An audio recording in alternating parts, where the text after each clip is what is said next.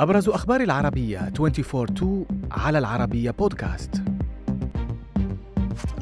بوتين يؤكد وصول استعداد روسيا النووي إلى 91% طفل مصري ضحية جديدة لتحديات تيك توك. الشرطة الإيطالية تستعين بلامبورجيني لنقل كليتين. في كلمة أمام كبار ضباط الجيش أكد الرئيس الروسي فلاديمير بوتين أن تجهيز القوات النووية في روسيا وصل إلى 91% مشيرا إلى مواصلة الاستعداد القتالي النووي لبلاده. بوتين أعلن أيضا تزويد القوات النووية بالمنظومة الفرد صوتية أفانغارد ومنظومة الصواريخ العابرة للقارة الجديدة التي تعرف بالشيطان إضافة إلى منظومة يارس البحرية مؤكدا أن هذه الأسلحة ليس لها مثيل في العالم أجمع. بعد أن تسببت للكثيرين بمواقف محرجة حل أخيرا تطبيق واتساب مشكلة شائعة بين المستخدمين. من خلال إطلاق ميزة تمكنهم من استعادة الرسائل المحذوفة من جانب المستخدم في غضون خمس ثواني.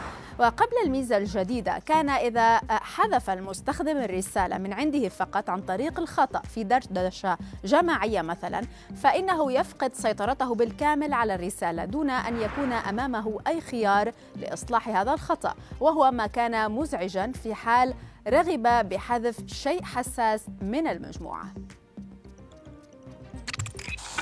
في محاولة منه لمحاكاة تحدي تيك توك المنتشر حاليا بين طلاب المدارس والذي يعرف بتحدي تشارلي أنهى طفل مصري حياته شنقا داخل غرفته في محافظة القليوبية.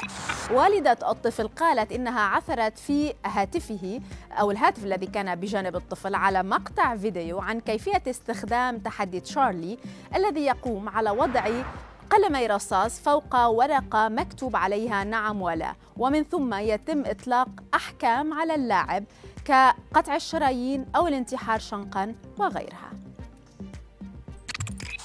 إلى إيطاليا حيث أعلنت الشرطة أن عنصرين فيها قطعوا مئات الكيلومترات في سيارة لامبرجيني لتسليم كليتين لمريضين ينتظران عملية زرع.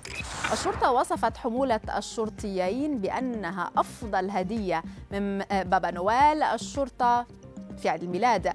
فيما تحرك الشرطيان من منطقة بدوفا شمال شرق إيطاليا ليسلما كلية إلى مستشفى في منطقة مودينا على بعد 170 كيلومترا قبل التوجه إلى روما التي تبعد 400 كيلومتر لتسليم الكلية الثانية. نختم من بريطانيا حيث اعترفت أم بأنها تسببت مع زوجها بوفاة ابنتهما المراهقة بسبب الإهمال. الابنة كانت تعاني من السمنة المرضية المفرطة التي أدت في النهاية إلى وفاتها دون أن يكترث أي من الأب أو الأم لمعالجة تلك المشكلة لدى الابنة، فيما وجهت المحكمة للوالدين تهمة الإهمال الجسيم والقتل غير المتعمد والتسبب بوفاة شخص ضعيف يحتاج إلى المساعدة.